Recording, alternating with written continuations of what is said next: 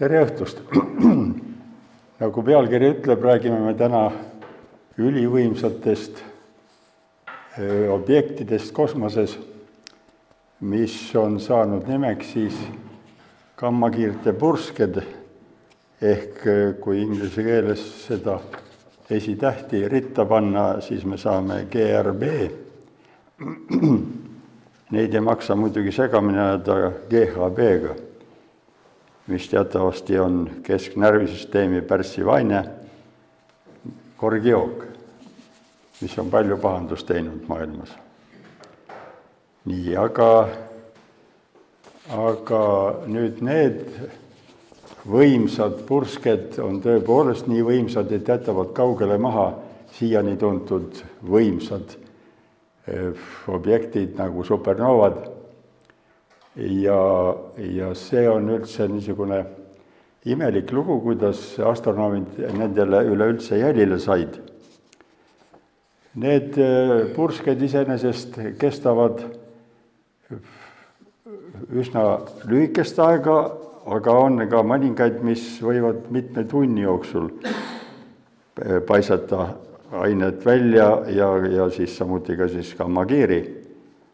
ja pärast kui, kui see gammakiirte purskamine on lõppenud, siis jälgitakse selliseid, äh, neid samu objekte siis äh, pikemaalainelistes äh, piirkondades, nagu juba, juba võib öelda infrapunane kiirgus, siis soojuskiirgus.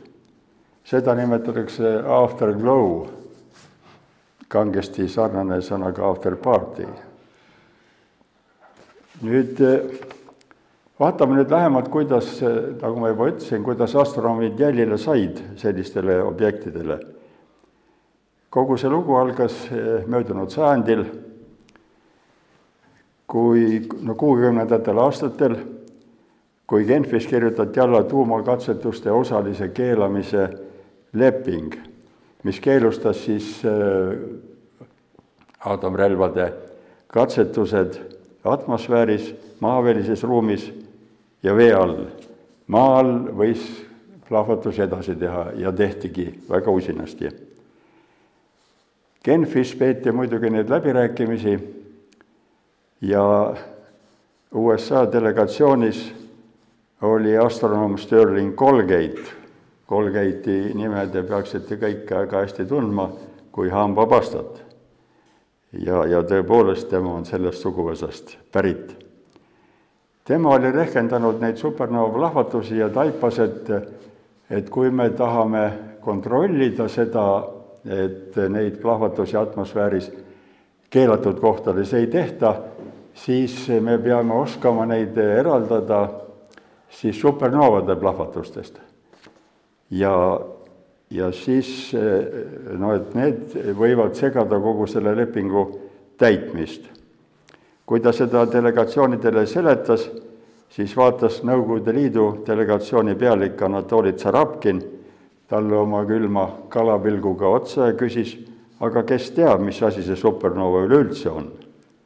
see oli väga tõsine küsimus ja kui Colgate Ameerikasse tagasi pöördus, siis ta läks otse kohe Lawrence Livermore'i laboratooriumisse ja eh, võttis ette seletamise Edward Tellerile, kes teatavasti on vesinikupommi isa, kui, kui, kui isaks niisugust asja nimetada võib, ja ta, ta nõudis, Colgate tähendab, nõudis, et eh, Livermore'i observatoorium peab hakkama tegelema nüüd eh, supernovade rehkendamisega. tal oli nii palju tõesti mõju et seda tehtigi. ja see keelamise leping kirjutati alla, kuna noh, nüüd nendel, nende mudelite alusel sai, sai kergesti eraldada siis seda, nende võimsate gammakiirte purskeid supernovade plahvatustest. ja kuid teatavasti USA diplomaatidel oli ennegi olnud niisuguseid juhtumeid, kus leping kirjutati küll Nõukogude Liiduga alla, aga pärast oli suur tegemine, et sundida teist poolt lepingut täitma. ja siis äh, Ameerika otsus, otsustas saata üles äh, satelliidid, kes pidid siis kontrollima seda, kas niisuguseid plahvatusi maa peal või atmosfääris tehakse ja, ja ka imelikul kombel Nõukogude pool sellega leppis, aga nõudis, et need satelliidid peavad olema hästi kõrgel, sellepärast et muidu, muidu nad uurivad välja kõik saladused, mis Nõukogude Liidul üle, üleüldse on. nii et vähendada luurevõimalusi, tähendab. nii lepitigi kokku nii, et satelliitide kõrgus jäi umbes poole kuu kaugusele ja kokku tehti kaksteist satelliiti, nad said nimeks Vela. Vela pidi olema hispaania keeles küünal. ja neid lasti kahekaupa, tähendab, üks oli siis ühel pool maakera ja teine oli teisel pool maakera, nii et eh, mitte midagi katmata ei jäänud. Ja kogu maa ümbrus oli nähtav. Ja kuus esimest olid natukese nagu nõrgavõitu, nemad olid võimelised avastama tuumaplahvatusi ainult maavälises ruumis, aga kuus järgmist suutsid avastada plahvatusi ka atmosfääris. esimene satelliit lasti üles seitsmeteistkümnendal oktoobril kuuskümmend kolm.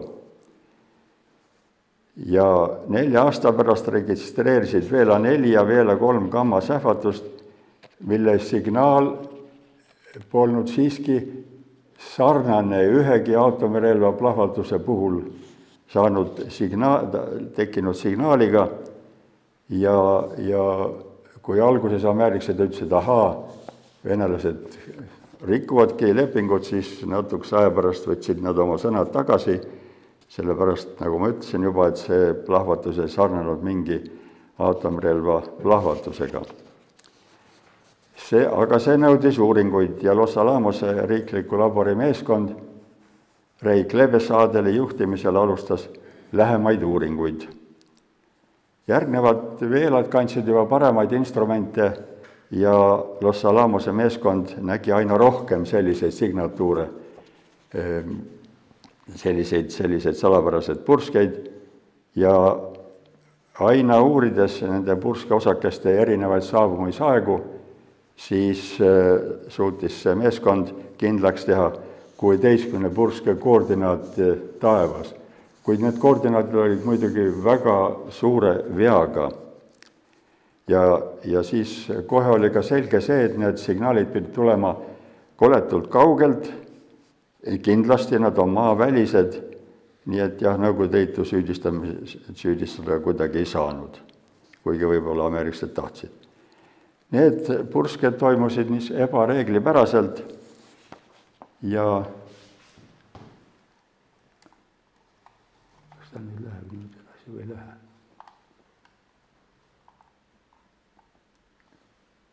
no siin on üks selline purse kunstniku käega tehtud, keegi, pole nii ilusat pilti taevas näinud ja tõenäoliselt lähemal ajal ei näe ka aga siit võib selgesti näha, et see purske energia on suunatud kahes vastupidises suunas ja väga suhteliselt kitsasse ruuminurka.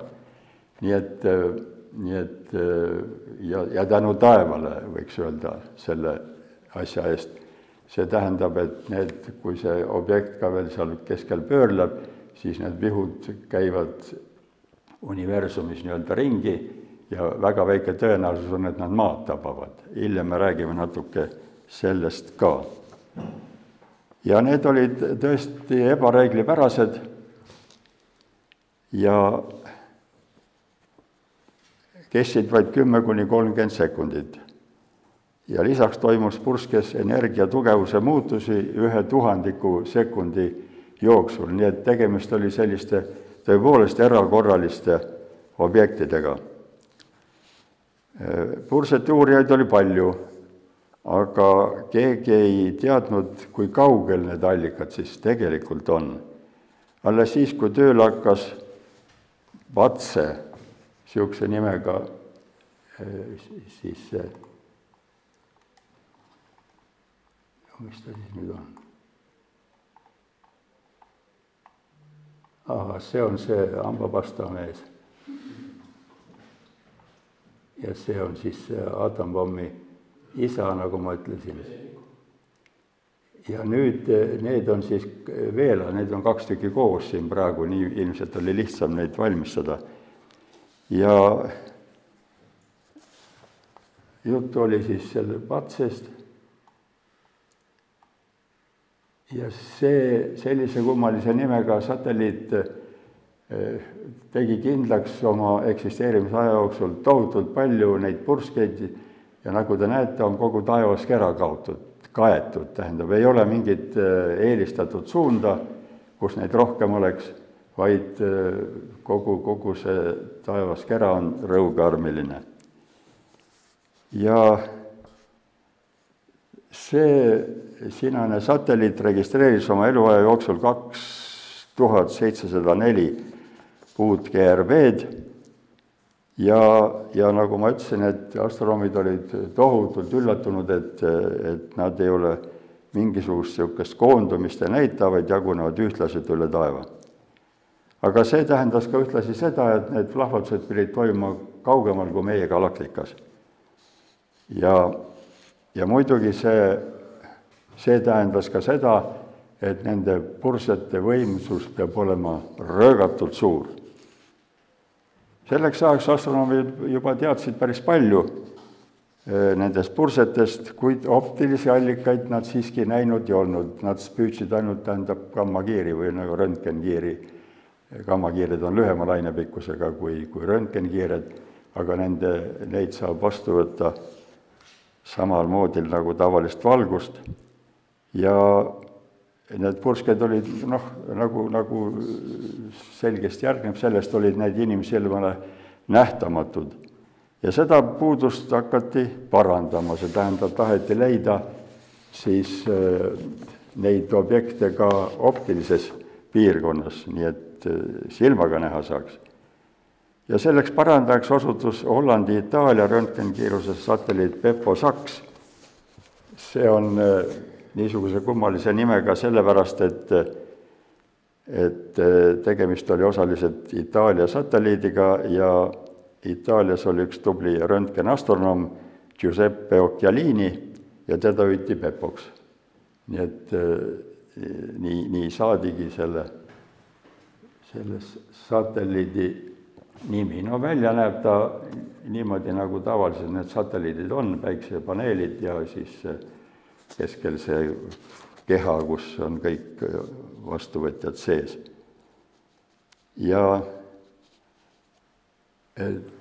vot nende optiliste signaalide vastuvõtmisega oli niisugune lugu, et kui see purse on seal umbes null koma üks sekundit või noh, heal juhul kümme sekundit, siis peab õudselt kiiresti seda satelliiti taevas pöörama, et ta vaataks samas suunas. ja, ja sellega alguses to-, hästi toime ei tuldud ja, ja aina püüti paremaid satelliite teha. nii et võeti ette kohe järgmine projekt, mille nimi oli HETE ja seal pidid olema siis need gammakiirte vastuvõtjad ja optilise kiirguse vastuvõtjad pidid samas suunas vaatama juba kohe, tähendab, et ei oleks vaja olnud eh, satelliiti pöörata. aga sellega juhtus selline äpardus, et eh, raketi kolmanda astme akud ei hakanud üleüldse tee, tööle ja HETE suri. no selles mõttes, et tööle ei hakanud, sest selle katet ei saadud enam avaldada, avada insenerid kogusid end kiiresti ja tegid ruttu kohe ET kahe valmis, see lasti kahe tuhandendal aastal üles ja seesamane Beppo Saks leidis eh, esimese gammapulska optilise allika üheksakümne seitsmenda aasta veebruari viimasel päeval.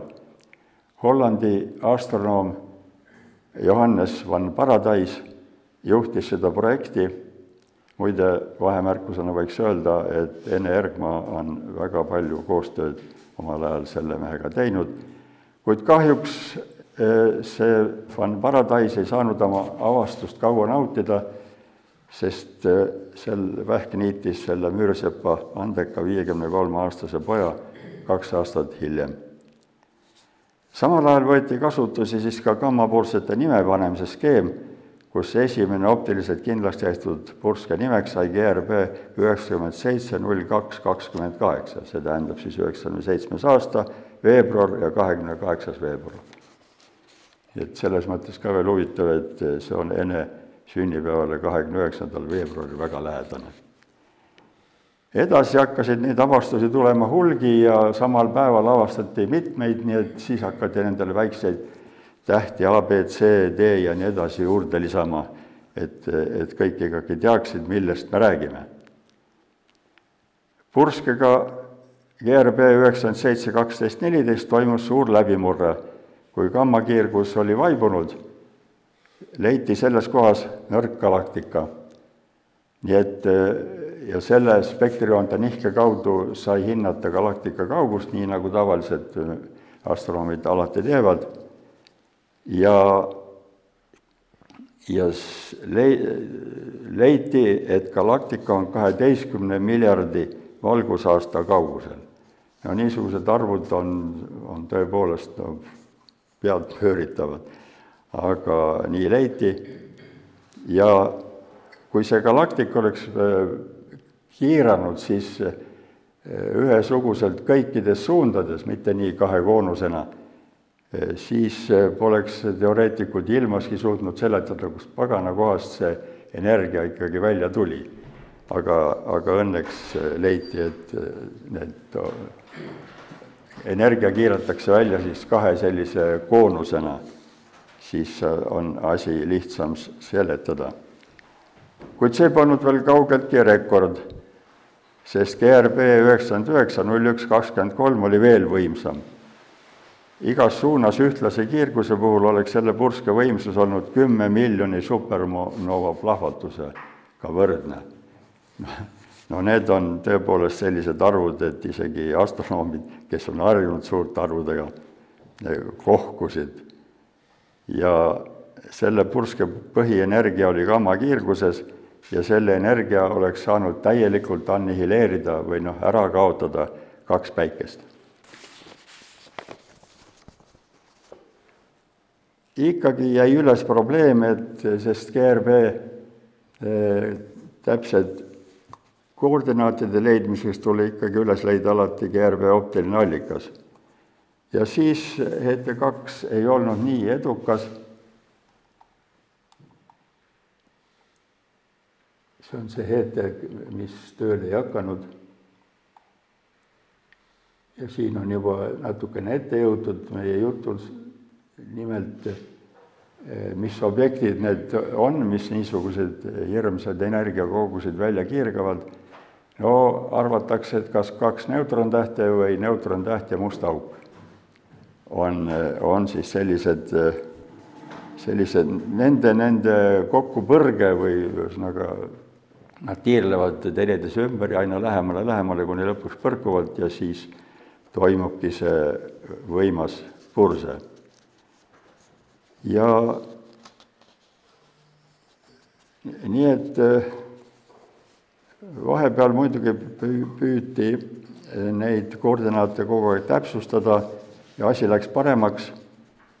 ja siis äh, vahepeal avastas Beppo Saks ühe purske, mis sai nimeks GRB üheksakümmend seitse null viis null kaheksa, kuid seekord olid astronoomid nobedamad kui varem, nad jõudsid, jõudsid äh, kätte saada purskallika nelja tunniga, see andis neile, või meile õigemini siis, kiirgava objekti spektri ja selle kaudu ka objekti kauguse, kuus miljardit valgusaastat juba lähemal. ja astronoomid, kes olid siiamaani tülitsenud kaunis ägedalt selle üle, mis kaugusel need objektid on, pidid ära leppima ja rahule jääma sellega, selle väärtusega. Ja ühtlasi selgus ka kohe, et, et me ei saa seletada GRB-sid kogu aeg selle massiivsete tähtede surmaga, peab olema midagi muud. ja selleks ajaks oli juba üsna palju neid GRB-sid avastatud ja, siis, siis ühel sellisel juhtumil selguski, et kui gravitatsioonilaine ka registreeriti samal ajal maal, kui see pursetoo oli toimunud, siis see juhtum võib olla seotud just nimelt kahe neutrontähe kokkusulamisega. ja nii et neid neutron, kokkupõrkavaid neutrontähti hakati nimetama kilonoovadeks. See ei tähenda, et noovasid kilokaupa oleks saanud, aga, aga lihtsalt seda, et selle kahe neutrontähe põrkel vabaneb energia, mis on tuhat korda siis kilo, korda suurem, kui supernova plahvatuse puhul vabaneb. nii, nüüd hakati uurima neid heleduskõveraid selgus, et neid on kaht tüüpi.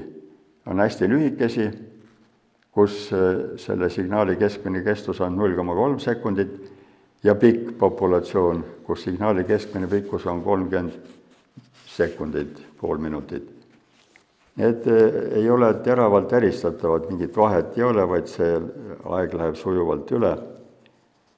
ja kohe oli astronoomidel selge, ma ei tea, need olid need kõige targemad astronoomid ilmselt, et lühikesed GRB-d ei ole supernoovadega seotud, aga kilonoovadega küll. ja, ja siin mõned veel kiiremad need nähtused on ilmselt siis mitte kahe neutrontähe, vaid musta augu neutrontähe kokkupõrked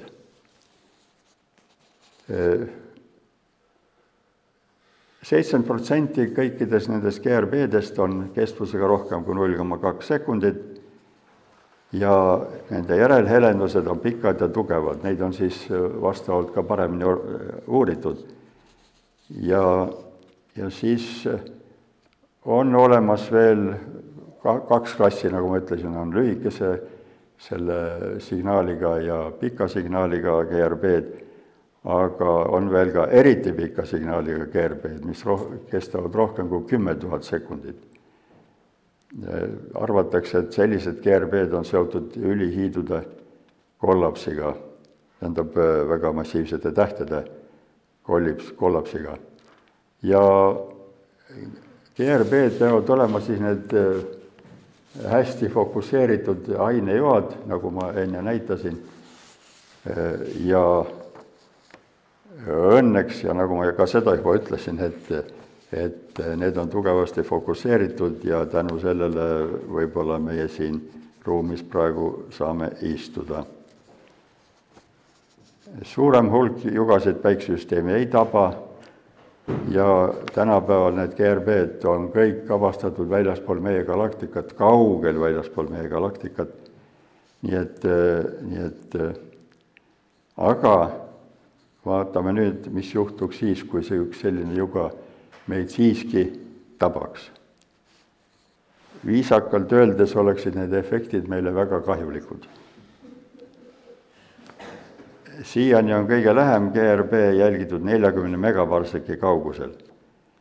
mis siis ikkagi juhtub, kui, kui see juga maad tabab? meie atmosfäär on kõrge energiaga osakeste tubli neelaja mistõttu ainult selle GRB joa energia tekib, tekitab suhteliselt lühikese sellise ultraviolettkiirguse kasvu maapinnal, see indeks kasvab väga suureks.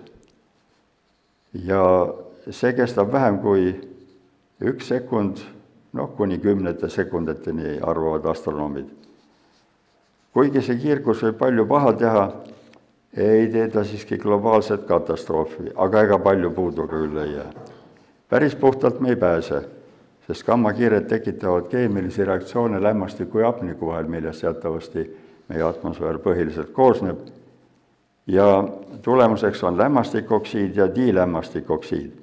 Need molekulid hävitavad osoonikihi aastateks ja ultravioleti indeks jääb ohtlikult kõrgeks no seda saab vältida, kui välja mitte minna päevitama, vaid proovida päevitada toas. lisaks sellele tekib fotokeemiline sudu ja see mõjutab fotosünteesi, see on juba palju tõsisem asi. ja ühtlasi võib ta põhjustada ka kosmilise talve. ja veel, vihmad pesevad lämmastikoksiidid atmosfäärist küll välja, kuid need muutuvad enne happevihmadeks. Tänapäevased mudelid, astronoomid on ja atmosfääriteadlased on uurinud seda, et tõsist globaalset efekti nad siiski, need happevihmad ei põhjusta, otse vastupidi, sellepärast et nitraadid on heaks väetiseks nii, ma ei tea, kes neid siis sööma hakkab, aga noh, nii on öeldud. tekib küsimus, et kuna maa on ju meil väga vana, et kas siis varem pole mingit GRB juhtumit maal esinenud. mudelid näitavad, et eh, on küllalt suur šanss olla tabatud viimase viiesaja miljoni aasta jooksul ja see on põhjustanud liikide massilist väljasuremist. lisaks veel siis nendele eh, meteoriitidele, mis on kukkunud igale poole maha. Ja arvatakse, et ordoviitsiumi siluri väljasuremine nelisada viiskümmend aast-, miljonit aastat tagasi võiski olla ühe GRV tekitatud. sel perioodil sai hukka umbes kakskümmend kuni kuuskümmend protsenti fütoplanktonit, biomassi ookeanides ja need trilobiitide liigid, kes elasid ookeani pinna lähedal, said palju tugevamalt pihta kui need, kes elasid sügavamal ja olid paremini varjustatud siis selle ultraviolettkiirguse eest. nii, nüüd on äh, selle loengu põhiosa äh, juba nagu ühel pool, aga ma tahaksin teha ühe kõrvalepõike, mis mingil määral on loengu teemaga seotud nimelt olen ma sageli mõelnud sellele, et kuidas klassifitseerida neid määratud energiahulki ja neid hulki kosmosesse paistavaid objekte, nagu näiteks neid samu GRB-sid. sellised täiendid nagu super ja hüper on ammu ära kasutatud ja veel vägevamaid täiendeid peaaegu et ei olegi. siiski pole kõik veel kadunud. oletame, et me vaatleme üht tähte mis kiirgab teatud suure hulga energiat, siis me saame teda nimetada, ma jätsin vist näitamata ah, vahe, jah, vahemärkus nad veel, et sellised näevad need kiirgusimpulsid siis ajafunktsioonidena. see X telg on aeg ja, ja Y telg on siis selle inten-, kiirguse intensiivsus siis on näha, et need on need lühikesed siin, need on juba pikemad ja pikema kestvusega, et need on noh, neid klassifitseerida vist ei ole, ei ole nii lihtsalt võimalik. aga nüüd, siis niimoodi võiks neid tähti järjestada, staar, superstaar, super kaks staar, see tähendab super superstaar ja nii edasi, super N-staar. selline süsteem avab meile piiramatud võimalused muidugi, siis kiirgushulga, suurema kiirgushulgaga objektide klassifitseerimiseks ja ummikseis on lahendatud. ja kui hoopiski teisesse uh, uh, nüüd uh, piirkonda minna, siis sama süsteemi saab kasutada ka Eesti lauljate ja laulude reastamiseks. No näiteks vaatame, kui keegi noor laulja on ränga mõttetööga suutnud kirja panna ühe rea, no näiteks Baby, I love you so much. ja laulja on laulu esitades seda fraasi korranud üksteist korda järjest siis on laulja otsekohe super üks täht. kui ta kordab seda fraasi viisteist korda, siis saab ta super kaks tähetiitli. ja äh, olgu veel öeldud ka seda, et me ei pea alati täisarvusid kasutama, nagu üks, kaks, kolm ja nii edasi, vaid võime kirjutada ka niimoodi, et super null koma kaks täht. nii. Äh, ja mõned Eesti lauljad jäävad siiski sellest süsteemist väljapoole ja tuleb mõelda mingi uus süsteem, sest need on tõelised lauljad. Aga nüüd ma kaldusin teemast täiesti eemale, kuid sellega ongi, ongi minu loeng lõppenud ja tänan teid vaatamast ja kuulamast